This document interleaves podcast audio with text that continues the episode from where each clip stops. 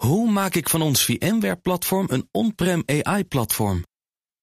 Lenklen, NVIDIA AI Enterprise Partner. Lenklen, betrokken expertise, gedreven innovaties. BNR Digitaal wordt mede mogelijk gemaakt door Amazon Web Services. De betrouwbare cloud voor kostenoptimalisatie, innovatie en digitale transformatie. BNR Nieuwsradio. Digitaal.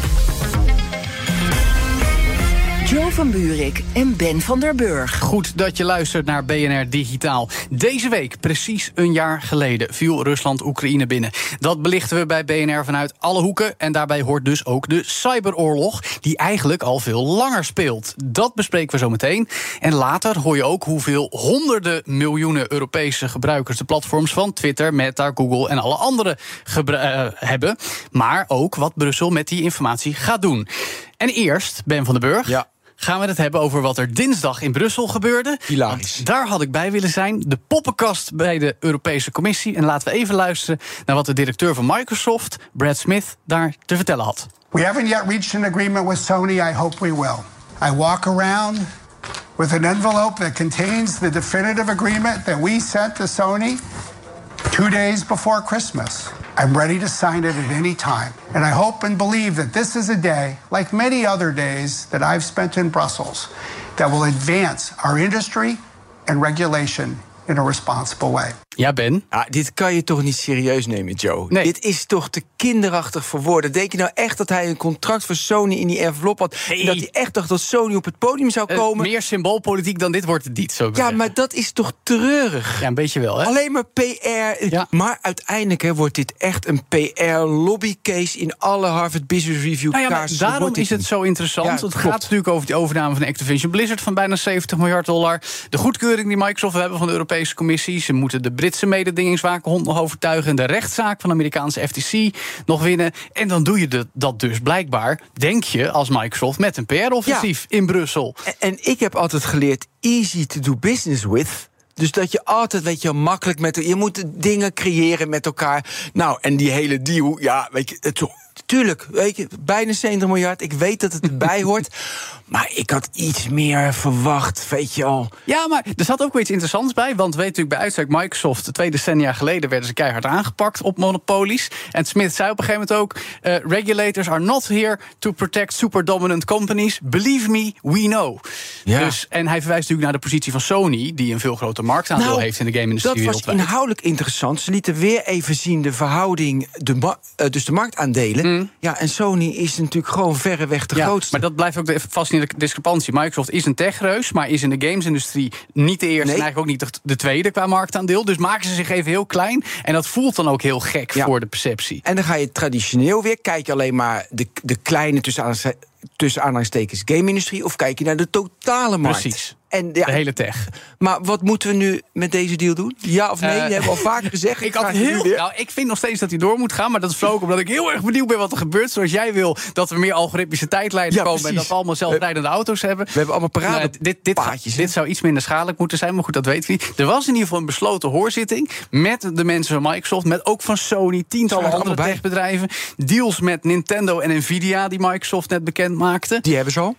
Die met Sony is not close, zeggen de bronnen ons. Dus ik Nou, wat ook een inter- de laatste interessante case is, ze zeggen uit dat ben je uit een groot, groot, grootst, dan word je uiteindelijk allemaal politicus. Ja. Dus dat zie je bij, ja, dus, dus je moet naar Brussel, bij Microsoft. Het is alleen maar politiek nu. Ja, dat is ergens dan ook toch wel weer leuk. Maar het mag ook snel wel weer gewoon over de Ja, we inhoud willen gaan. die deal hebben, we willen door. Digitaal. Doorgaan we hier ook, want deze week staat bij BNR in het teken van één jaar oorlog in Oekraïne. En dan gaan we het nu hebben over de cyberkant van de strijd tussen dat land en Rusland, want die woedt al veel langer. De laatste tijd leek het weer wat stil, misschien ook wel een goed teken, maar de afgelopen dagen kwamen er toch weer wat ernstige geluiden naar voren. Reden genoeg voor een gesprek met Dave Maasland, directeur van cybersecurity-bedrijf IZ Nederland. Welkom Dave, naar Digitaal? Dankjewel, Joe. Hi, dat Ben. je er weer bent. Hey, eh, we hebben je gevraagd omdat IZ Nou, dat zien we, goed vinger aan de pols heeft bij Russische cyberoffensieven. Het helpt ongetwijfeld dat IZ een Slovaaks internationaal bedrijf is. Mede daardoor, als ik het goed heb begrepen, marktleider als het gaat uh, om cybersecurity op de Oekraïnse markt. Is dat ook het geheim van jullie kennisnetwerk, wat zich nu al ruim een jaar uitbetaalt? Ja, en ik denk natuurlijk wat je terecht aangeeft al veel langer. Uh, sinds 2014 hebben we echt onze ja, onderzoekstak daar geïntensiveerd. Het helpt natuurlijk ook dat die lokale markt daar, dat we die goed kennen. Dat zit heel dicht tegen die Slovaakse cultuur aan. Dus het was voor ons wellicht ook wat makkelijker om daar echt voet aan de grond te krijgen. Maar we hebben dus al sinds 2014 volgen wij de gebeurtenissen daar.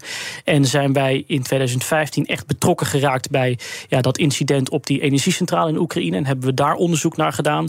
Ja, en dat dat heeft ons al die jaren eigenlijk niet alleen uh, een voorsprong gegeven technologisch, maar zijn we ook gewoon echt ja, heel erg betrokken bij alles wat daar speelt en, en de onderzoeken die we daar doen. Ja. Dave, waarom maakt het uit dat je daar zit? Het is toch globaal? Je kan toch ook op een eiland in de Stille Oceaan zitten? Nou, wat vooral uitmaakt is dat we daar heel veel uh, letterlijk antivirusproducten hebben draaien. Dus je moet je voorstellen, dankzij ons marktaandeel hebben we gewoon een groot sensornetwerk daar. Dus kunnen wij ook soms eerder zien uh, als daar een aanval is, als een bepaald wiper, uh, zo'n zo'n computervirus die dingen stuk maakt, als we die daar zien. Dus het helpt ons gewoon om een breder sensornetwerk te hebben.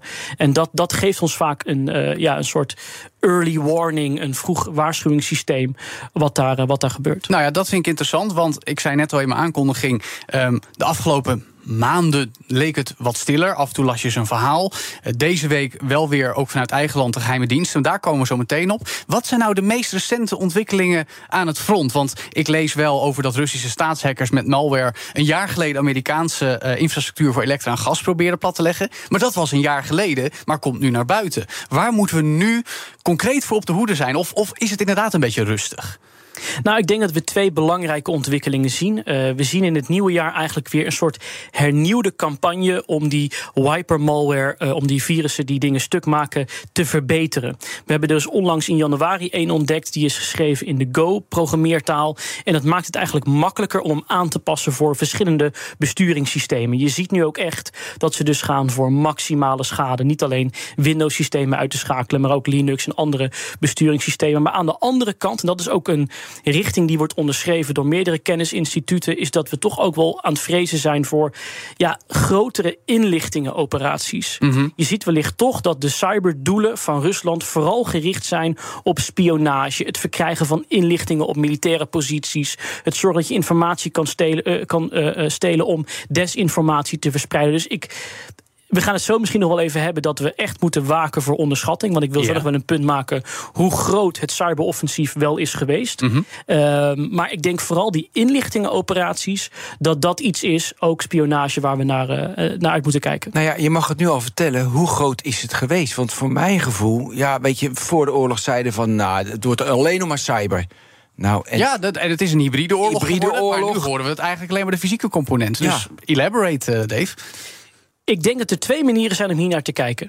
En op de ene manier hebben jullie helemaal gelijk. Als je kijkt naar de militaire impact van cyberoperaties, is die verwaarloosbaar geweest. Er is een fantastisch rapport, het Carnegie-rapport, wat als enige, vind ik, door een militaire bril de cybercomponent bekeken heeft. Want cybersecurity bedrijven zoals wij roepen eigenlijk altijd: oh, het is zo significant, cyberoperaties. Maar als je gewoon echt kijkt, wat heeft het betekend op het, het slagveld? Wat voor schade heeft wat het Wat voor schade heeft het nou echt tactisch, strategische voordelen? Er zijn een aantal voorbeelden van wel.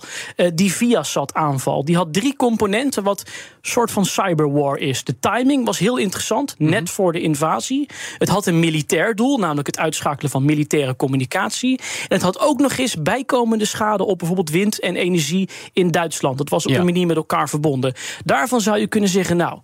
Dat is echt een cyberoperatie. Er is vorige week bekend geworden, dankzij onze collega's van Google en Mandiant, dat Rusland succesvol een Turkse dronefabrikant heeft aangevallen. Ja. En op afstand die drones ook kon uitschakelen. Nou, dat is nog een incident waarvan je zegt, nou, dat is wellicht strategisch eh, significant.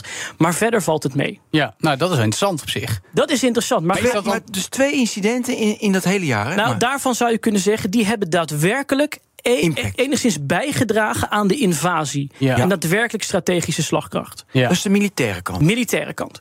Ga je naar de cyberkant kijken, en dat onderschrijven wij, maar ook de AIVD en MIVD, mm -hmm. is dit de meest destructieve cybercampagne ooit geweest. Het tempo wat Rusland heeft uitgevoerd, je moet je dus even die wiper-aanvallen voorstellen. Ja, ja, ja. Van die wa- malware die systemen gewoon helemaal wisten. Dus dat je niet meer op kan starten, letterlijk Ja. gewoon je systeem is softwarematig stuk. Ja. Ehm, daar hebben we er ooit acht van gezien in de hele historie. Varianten. Acht wiper-aanvallen de ingezet. geschiedenis van de mensheid. Ingezet, ingezet in, in de cyberwereld. In de geschiedenis van, van de in mensheid, digitaal- ja, precies, Ja. Van, Ja. van de mensheid.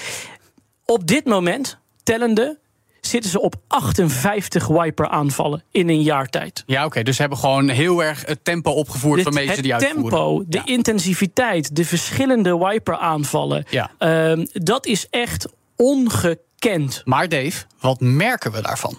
Nou, er zijn, kijk, iedereen zegt ook tegen mij, "Oh, Dave, eh, Rusland. Er zijn ook gewoon eh, hele goede redenen, dankzij ook onder andere het Carnegie Instituut, die zeggen het is gewoon geen succes zoals je zou verwachten. Ze geven daarvoor drie redenen. Enerzijds, de belangrijkste reden is dat het cyberleger van Rusland simpelweg te klein is. Ja. Te klein is om in die initiële invasie hadden ze echt wel het tempo om dingen uit te voeren. Maar om maanden, kijk, raketten kan je blijven afschieten. Cyberwapens moet je blijven ontwikkelen, doorontwikkelen. Als ze detect- gedetecteerd worden, moet je dingen doen. Ja. Simpelweg een te klein leger. Maar als ik daar heel kort op door mag vragen. Ik heb ook wel eens me laten vertellen door een onafhankelijke cybersecurity onderzoeker. dat het eigenlijk de mindere goden zijn die voor de Russische overheid werken. Dat de echt goede hackers voor zichzelf werken. en dus soms ook voor het beter betalende Nou, Westen. dat ben ik niet helemaal eens om het simpele feit dat Sandworm, een groepering die direct gelieerd wordt aan de Russische militaire inlichting en veiligheidsdienst, Ja. de meest geavanceerde, actor is die wij ooit hebben gezien. Zij zijn verantwoordelijk geweest voor die aanval op die energiecentrale. Zij zijn verantwoordelijk geweest voor 2017, NotPetya. Mhm. Laten we alsjeblieft, tuurlijk, er zijn heel veel mindere groep, mindere goden,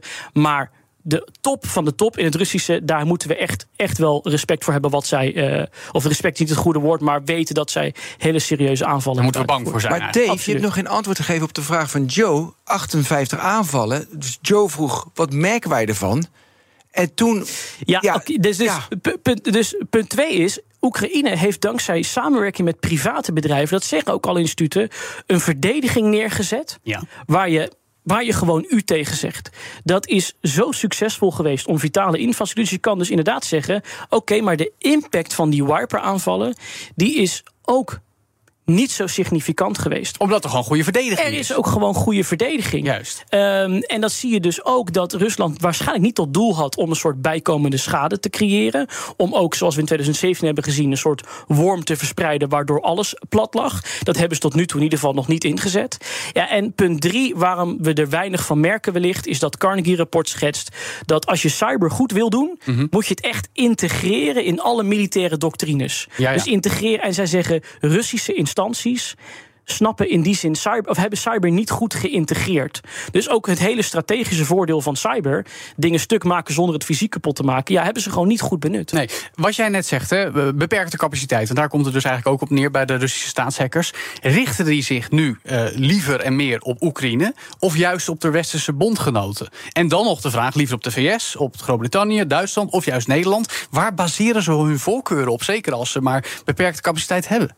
Nou, het interessante is dus dat ze dus nog steeds capaciteit richten op landen buiten Oekraïne. Dan moet je vooral denken aan NAVO-landen. Dat Carnegie-rapport had het ongeveer over 80% wat ze op Oekraïne richten, maar nog steeds 20% van hun capaciteiten Ja. daarbuiten. Dus er is altijd, altijd nog ruimte dat ze die capaciteit inzetten verder in Oekraïne. Waar natuurlijk Rusland ook naar op zoek is om die samenwerking met criminele actoren, dus mensen die gijzelsoftware verspreiden, die bendes die in Rusland nooit gepakt worden, om die te mobiliseren. Maar ja, je hebt het dus ongeveer over 80-20. Maar je ziet wel, ook dankzij het rapport van Google en Mandiant, zij geven aan dat in de laatste paar maanden phishing aanvallen met 300% gestegen zijn op NAVO-landen Vanuit Rusland. vanuit Rusland. Dus je ziet echt wel dat NAVO-landen, Europese ministeries steeds meer onder vuur komen te liggen.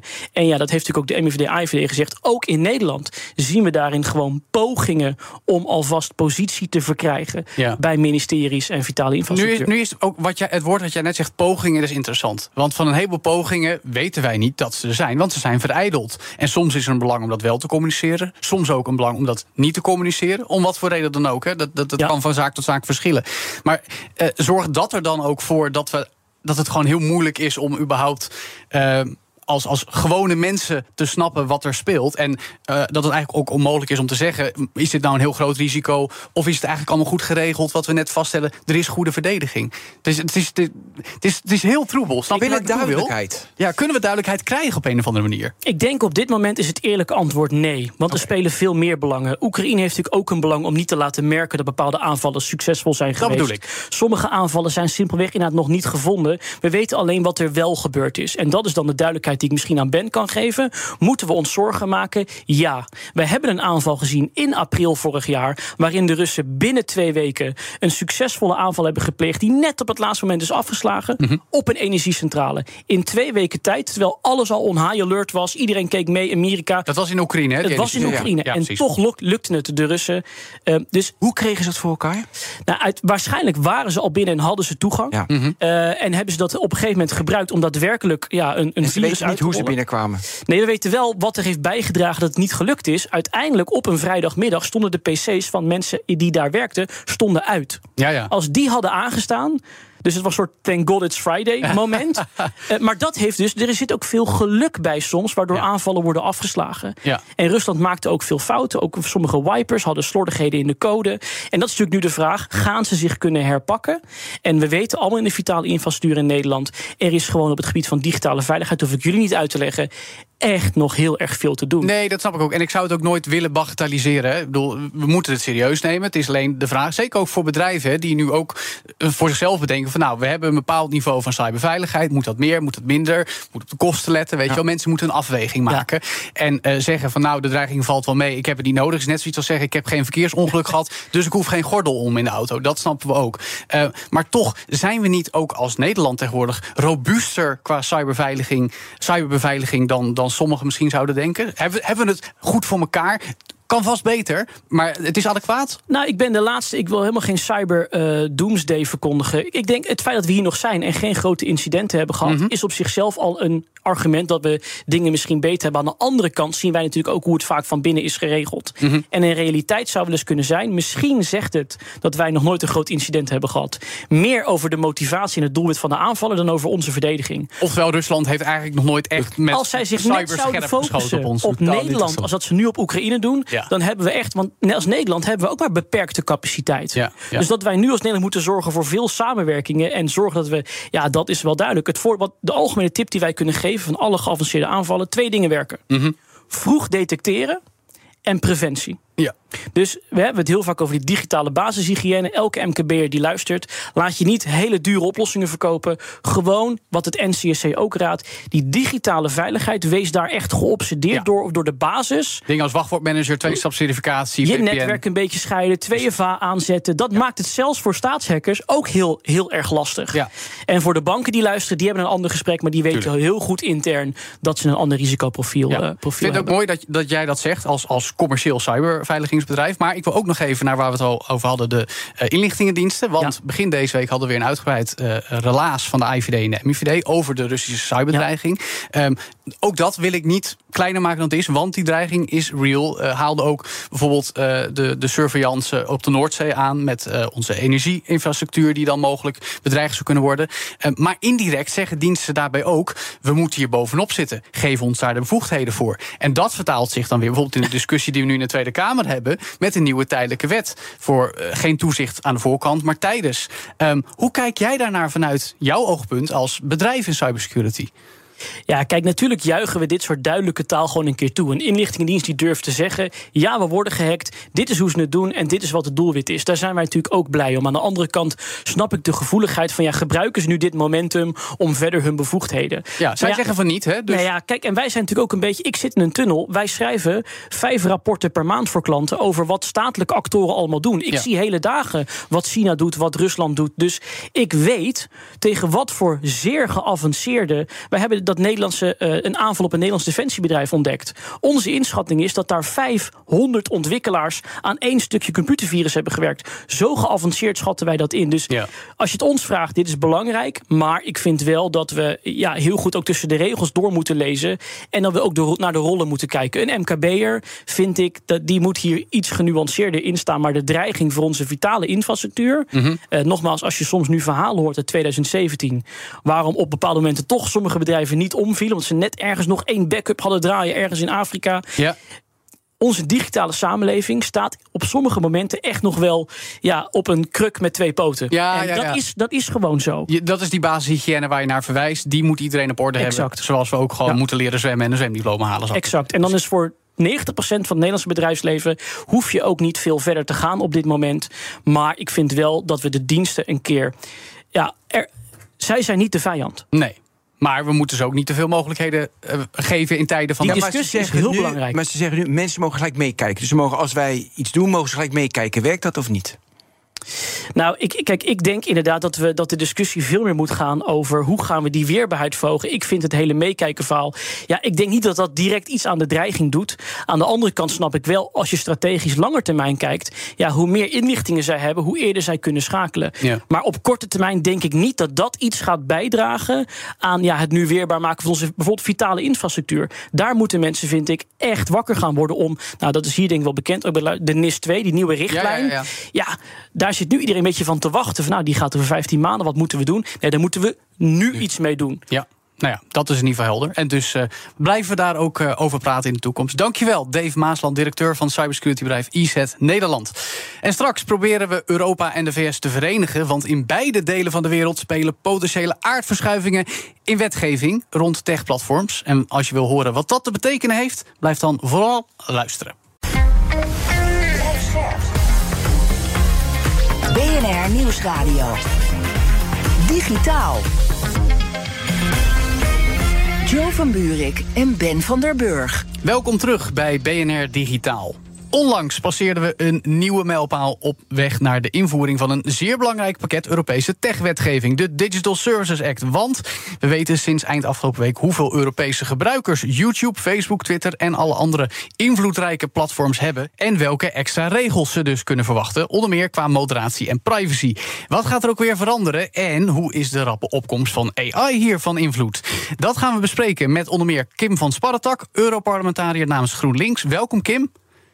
Hallo. En bij ons in de studio is ook Menno Wij, techjurist bij BDO Legal. Welkom Menno. Dankjewel. Goed dat je er bent. Kim, we hebben een hele lading cijfers van die platforms. Hun maandelijkse gebruikersaantal uit Europa. De meest opvallende is natuurlijk YouTube, 400 miljoen per maand. Eh, Instagram met 250 miljoen. Twitter met ruim 100 miljoen, dat is best veel. Maar mijn vraag aan jou, hoe weten we dat deze cijfers kloppen? Ehm, nou ja, dat, daar hopen we eh, dat we daarvan op aan kunnen gaan. Ehm, maar eh, als het eenmaal zover is, dan eh, gaat, gaan de Europese Commissie ook met de 80 mensen die ze hebben aangenomen. met dat team gaan ze er ook achteraan om te kijken of het daadwerkelijk klopt. Dus Ja. dat gaan we gewoon heel goed controleren. Ja, want ze moeten zich ook aan allerlei audits gaan houden en zo. Hè? Dus ik neem aan dat ze dan kantoren die gecertificeerd zijn in de hand moeten nemen om jullie op de hoogte te houden van al die cijfers, of niet? Ook dat, ook dat. Maar als er ook maar enige reden is eh, waaruit blijkt dat, we, dat er een vermoeden is dat die cijfers niet kloppen, dan kan de commissie ook gewoon zelf eh, speurwerk gaan eh, uitvoeren en gewoon langsgaan bij de kantoren om te checken of, of die cijfers wel kloppen. Ja, Menno, jij hebt volgens mij ervaring met dat soort dingen. Is dit een beetje een waterdichte aanpak? Nou, ik denk waterdicht genoeg. Hè. Dus eh, ik ben het eens met Kim dat ehm, eh, of iemand wat op papier zet en wat tot in hoeverre dat klopt, ja of nee. Dat blijft altijd lastig. Als met contracten werken ook met een garantie, houdt iemand zich daar wel of niet aan de vraag. Eh, plus, ja, weet je, die, eh, de drempel is die 45 miljoen. Ja. Deze partijen komen daar Ver ruim boven. boven. Daar, Ja. Dus dan denk ik, die één of twee die ze dan. eh bedoel, het belang zou eerder zijn, ik duik onder die 45 miljoen, zodat ik al die extra zware verplichtingen niet op Ja, niet precies. heb. precies. Nou ja, dat is precies waar het over gaat. Hè. Een, een platform wordt aangemerkt als een VLOP, een Very Large Operating Platform, Ja. vanaf 45 miljoen Europese gebruikers per maand. Kim, is dat nou een arbitrair getal of zit daar een gedachte achter over, de, over precies die 45 miljoen? Nou, 45 miljoen, dat is ongeveer eh 10% van de Europese bevolking. Dus dan, kom jij, eh, dan heb jij, bereik jij 1 op de 10 van de Europeanen. En nou, dan heb je toch wel een significante impact in Europa. En eh, daarom eh, hebben we dat cijfer daar zo gezet. En waarom die impact? Dus hoe meten ze dan die impact? Want bij de ene platform is 10% heel veel impact. En bij de andere, joh, dat maakt helemaal niet uit. Al heb je 50% van de Europese bevolking. Nou ja, het gaat erom natuurlijk over hoeveel macht ze hebben, hè, hoeveel marktmacht ze hebben uiteindelijk. En als jij op de 10 Europeanen van jouw platform gebruik laat maken, dan heb je toch ook wel gewoon veel macht op de, op de interne markt.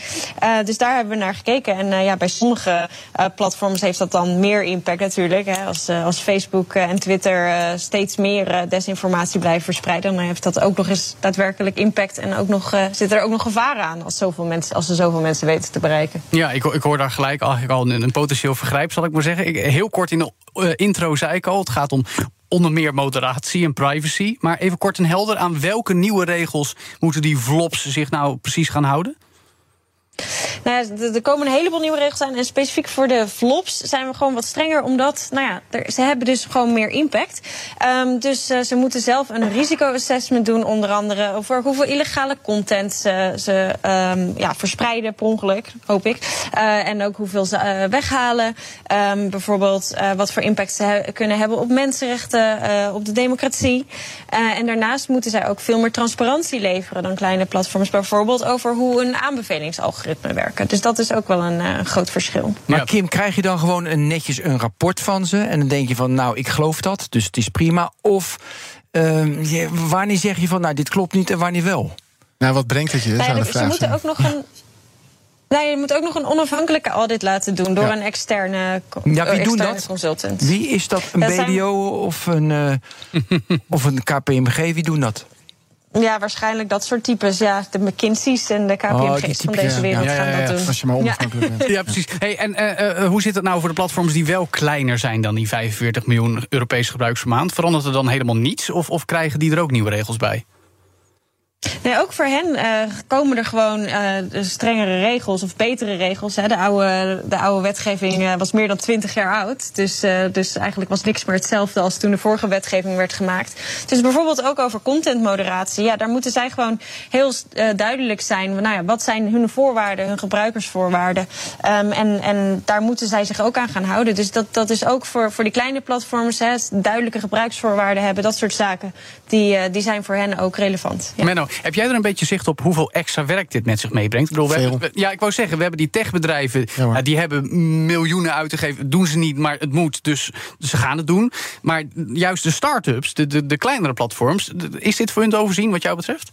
Nou, in beginsel wel vanuit, hè, er zijn uitzonderingen voor kleine partijen. Dus partijen met minder dan uit mijn hoofd 250 mensen in dienst... of op jaarbasis minder dan 50 miljoen omzet. Nou, ik denk dat de gemiddelde start-up wel kleiner is dan deze getallen. Maar waar mijn zorg een beetje in zit, is dat voor die middelgrote en grote, waar we het net over hadden, dat je als kleintje uh, natuurlijk niet kan blijven zeggen: ja, nee, maar voor mij geldt dat niet. Dus ik hoef wat minder transparant te zijn over de speelregels met hè, wat mag je wel en niet aan content verspreiden. Ja. Dus ik denk dat die toch wel vanuit zeg maar, de marktbehoeften daarin mee moeten. En dat modereren moet je niet onderschatten. Bedoel, uh, als je daar niet slimme technologie voor hebt en je hebt daar poppetjes voor, dat is echt uh, onbetaalbaar. Daar komen ze op, Ben. Ja, maar Menno, als ik nu al die algemene voorwaarden scan.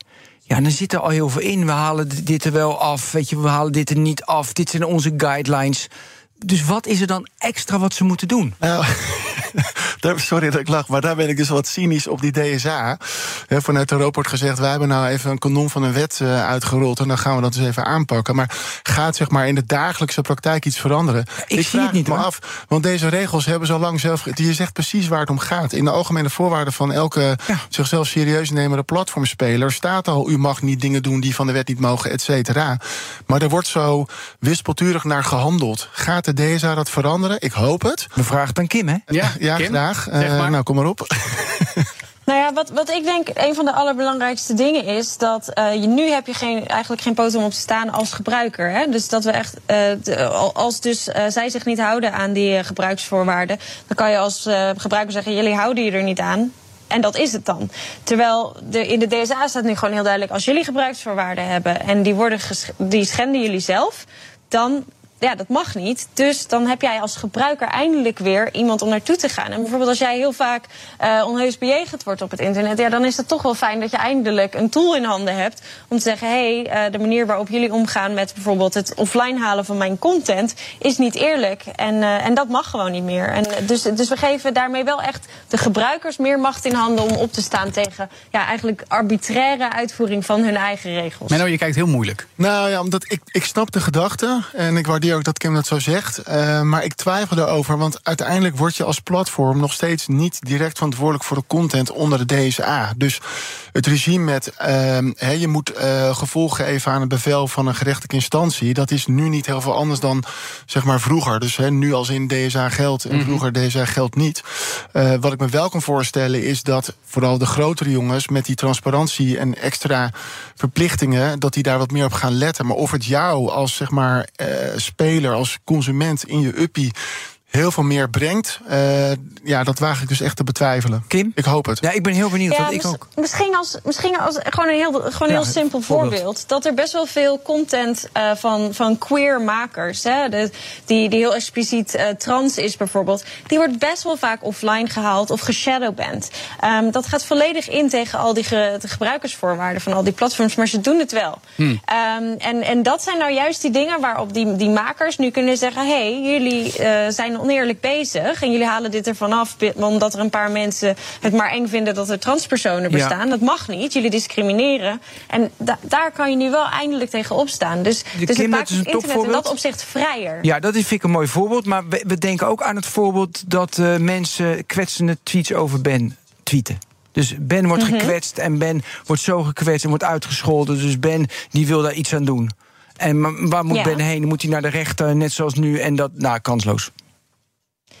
Ja, ligt, ligt er dus aan of, je, of, je, of ze daadwerkelijk jou een doodsbedreiging sturen. Weet of dat ze racistisch zijn of, of discriminatoire. Nee, gewoon lelijk. Ja, Echt maar uiteindelijk constant pesten. is het aan de rechter en niet aan, die, aan de platforms om te bepalen Maar wat wel en dus niet mijn punt, ja. eh, mag. En dat Ja. is het grootste verschil, hè? Ja, ja, het grootste verschil is dat we, dat we het weer. dat die platforms die mochten alles maar bepalen op het internet. En dat, dat brengen we nu gewoon weer terug naar de rechter en naar de democratie. Ja, precies. Ik wil daar zo meteen nog even op door. Want ik weet niet of we hier nu eh tot komen het Joe, we maar- gaan hier uitkomen. Maar komen we zo op terug. Want ik wil eerst nog even, Kim eh, en Menno, naar decentrale platforms zoals Mastodon. Mhm. Ehm, ik weet niet wat voor aantallen die hebben. Ik weet ook niet of ze het kunnen rapporteren. Want dat zijn decentrale platforms. Is daar ook iets voor voorzien met de DSA? Of, of krijgen die een carte blanche? Omdat het anders werkt dan de, de commerciële big tech reuzen?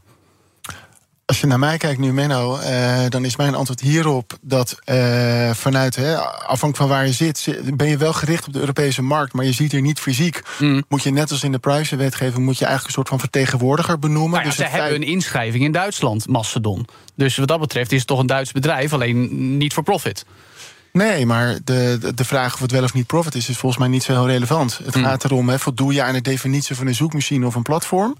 Eh, op het moment dat je daaronder valt en je bent ook dus nou ja, hè, op de Europese markt gericht en je hebt gebruikers, moet je vanaf 17, fe- 17 februari jongsleden dus al die melden. Eh, Ja. En afhankelijk van hoe groot je bent, heb je eh, meer of minder zeg maar, verplichting onder deze. Dat Ja. zou mijn antwoord zijn. Kim, hoe kijken jullie eh, vanuit beleidsbepalen in eh, Brussel naar decentrale platforms? Dus worden die hiermee ook eh tussen aanhalingstekens aangepakt?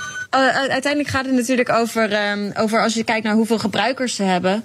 Um, ja, daar geldt gewoon precies hetzelfde voor. Ik, ik gok dat zij nog lang niet zo groot zijn als die andere platforms. Maar. Um, Als het gaat over bepalen hoeveel be, gebruikers ze hebben, um, ja, dan, dan geldt daar gewoon hetzelfde voor. We verwachten gewoon dat ze dat goed rapporteren, dat ze dat in, in, op één plek uh, bijhouden. En als ze dat niet doen, dan hebben we die hele goede inspecteurs vanuit de commissie die daarnaar kunnen gaan kijken. We praten door over de honderden miljoenen Europeanen op de platforms van Google, Meta en alle andere grote en middelgrote techbedrijven. En ook de kleintjes, de start-ups. De aantallen weten we van die grote in elk geval. Onder druk van de nu uitgerold wordende Digital Services Act. En daarover praten we dus nu met Europarlementariër Kim van Sparretak van GroenLinks. En met techjurist Menno Wij van BDO Legal. Uh, allen, er is nog een boeiende ontwikkeling gaande in de VS. Namelijk de discussie rond sectie 230 van de Amerikaanse wet. Die online platforms vooralsnog niet verantwoordelijk laat zijn voor content van gebruikers. Maar dat staat nu ter discussie voor de Amerikaanse Hoge Raad in de zaak Google versus Gonzales. En Ben, jij vindt die heel fascinerend. Je mag ja. heel kort zeggen waarom. Super fascinerend. Gonzales was een student uh, in 2015. Uh, is uh, om het leven gekomen bij de aanslagen in Parijs. haar familie die zegt van dat op YouTube is, ja, is zeg maar, content geüpload die nou ja, extreme mensen hebben geüpload. Ze zijn naar de rechtszaak gegaan, dus in Amerika. Dat is dus de Gonzales. Ze zeggen dat het recommendation algoritme van Google. Op YouTube dus? op YouTube. Zorgt ervoor dat de, nou, dat de extremisten daardoor eh, mede hebben die aanslag hebben gepleegd. Mhm. En dan is het dus als een mens modereert, dan is het oké. maar als een AI modereert, is het dan oké. Dus Ja. het is een interessante zaak. AI, hoe modereren Nou die? ja, precies. Stel Dat zijn, dat. zijn een heleboel discussies in elkaar. Eerst even, Menno, kunnen we ze vergelijken? Die sectie 230 in de VS en onze Digital Services Act. Is dat op deze, zoals we het nu schetsen, zijn daar raakvlakken? Eh, ja, namelijk het fenomeen algoritme. Dus in het DSA zitten ook, eh, wat Kim net al zei, eh, verplichtingen rondom. hè, wat is de impact van jouw platform op onze grondrechten? En dus ook eh, AI die al dan niet hè, bepaalde nou de ja, persoonlijke content. aanbeveling zit ja, ja, zeker, zeker. Dus eh, daar moet je dus als groot platform al onderzoek naar doen en over rapporteren, waar we het ook eerder over hadden. Dus daar zitten zeker haakjes, absoluut. Ja, Kim, volgen jullie dat vanuit Brussel ook, die sectie 230? En wat er nu gezegd is over hoe die, ja, die discussie daar ook gaat over verantwoordelijkheid voor wat er geplaatst wordt door gebruikers op platforms van techbedrijven? Ja, dat is iets dat, dat blijft gewoon onder discussie staan. En, en dat is ook, ook altijd de dunne lijn die je moet bewandelen als je het hierover hebt. Hè? Van waar, waar ligt de vrijheid van meningsuiting en waar liggen verantwoordelijkheden voor platforms, et cetera. Ehm, wat ik denk ik heel eh, wat, wat denk ik een van de belangrijkste onderwerpen is waar we het echt nog vaker over moeten hebben, is niet nou, per se de moderatie. Dus of dingen offline of online blijven staan. Dat, dat, daar hebben we nu wel heel veel discussies al over gehad. Maar juist wat er wordt aanbevolen. Dus, ehm, en dat is denk ik een van de dingen waar we, nu ons, waar we ons echt heel erg zorgen over moeten maken. Als je ziet dat, dat zeker net na de inval eh, van Rusland in Oekraïne. Dat, dan, dat de meest aanbevolen, automatisch door het algoritme aanbevolen filmpjes op YouTube waren. eh, waarom eh, Oekraïne allemaal het schuld van het Westen is. En dat Rusland niks verkeerd had gedaan. Ja, dan, moeten we het ons toch eens gaan afvragen: van kunnen we toch niet iets doen tegen die algoritmen die, die expliciet desinformatie blijven Ja, nou, dan heb ik het juist ook over wat er bij ChatGPT gebeurt. En OpenAI die zegt van nou, output moet juist zo objectief mogelijk zijn. Het moet ook standpunten vanuit bijvoorbeeld Rusland kunnen schetsen zonder stelling te nemen. Is dat te rijmen met wetgeving waarbij je juist ook meer eh, over moderatie wil opleggen? Juist ook nu AI daar eigenlijk out in the open mee aan het experimenteren is? Nou, het gaat het in principe niet over eh, natuurlijk nou ja, wat wel en niet mag. Het gaat erom hoe het wordt verspreid. En het grote probleem is wat we nu zien, is dat ehm, juist eh, dat soort heftige content heel snel verspreidt, omdat ze daar het meeste geld mee verdienen. Dat zijn die zogenaamde Ja, interactie-gebaseerde algoritmes. Ja. Ehm, en dat is het probleem. Kijk, en, en de vrijheid van meningsuiting betekent dat alles wat jij wil, dat je dat mag zeggen. En dat mogen de raarste conspiracy zijn. En die mag je ook lekker blijven zeggen, maar zeg dat gewoon in je eigen hoekje van het internet. Ja. En wat het probleem nu is, Nee, dat dat dat, dus bovenaan elke tijdlijn. Maar nu vraag ik eh, aan een, aan een, aan een chatbot hè, die, die met geavanceerde Mhm. AI werkt. Van, vertel mij eens, eh, waarom zijn er mensen die eh, zeggen dat de Russische invasie een hoax is? Dan gaat die chatbot dat wel beschrijven. Want ik vraag gewoon iets wat ik niet persoonlijk vind, maar waarvan ik wil weten wat wordt daarover gezegd. Moet dat dan aan banden worden gelegd? Of moet dat zeg maar, onder het mom van het vrije woord wel geschetst kunnen worden door zo'n AI? Nou ja, volgens mij eh, als, als een AI-systeem. Ik heb trouwens geprobeerd of, hoeveel conspiracies die kon uitspugen. Dat viel Oh. best wel tegen. Oh, nou, dat valt er ehm, misschien mee.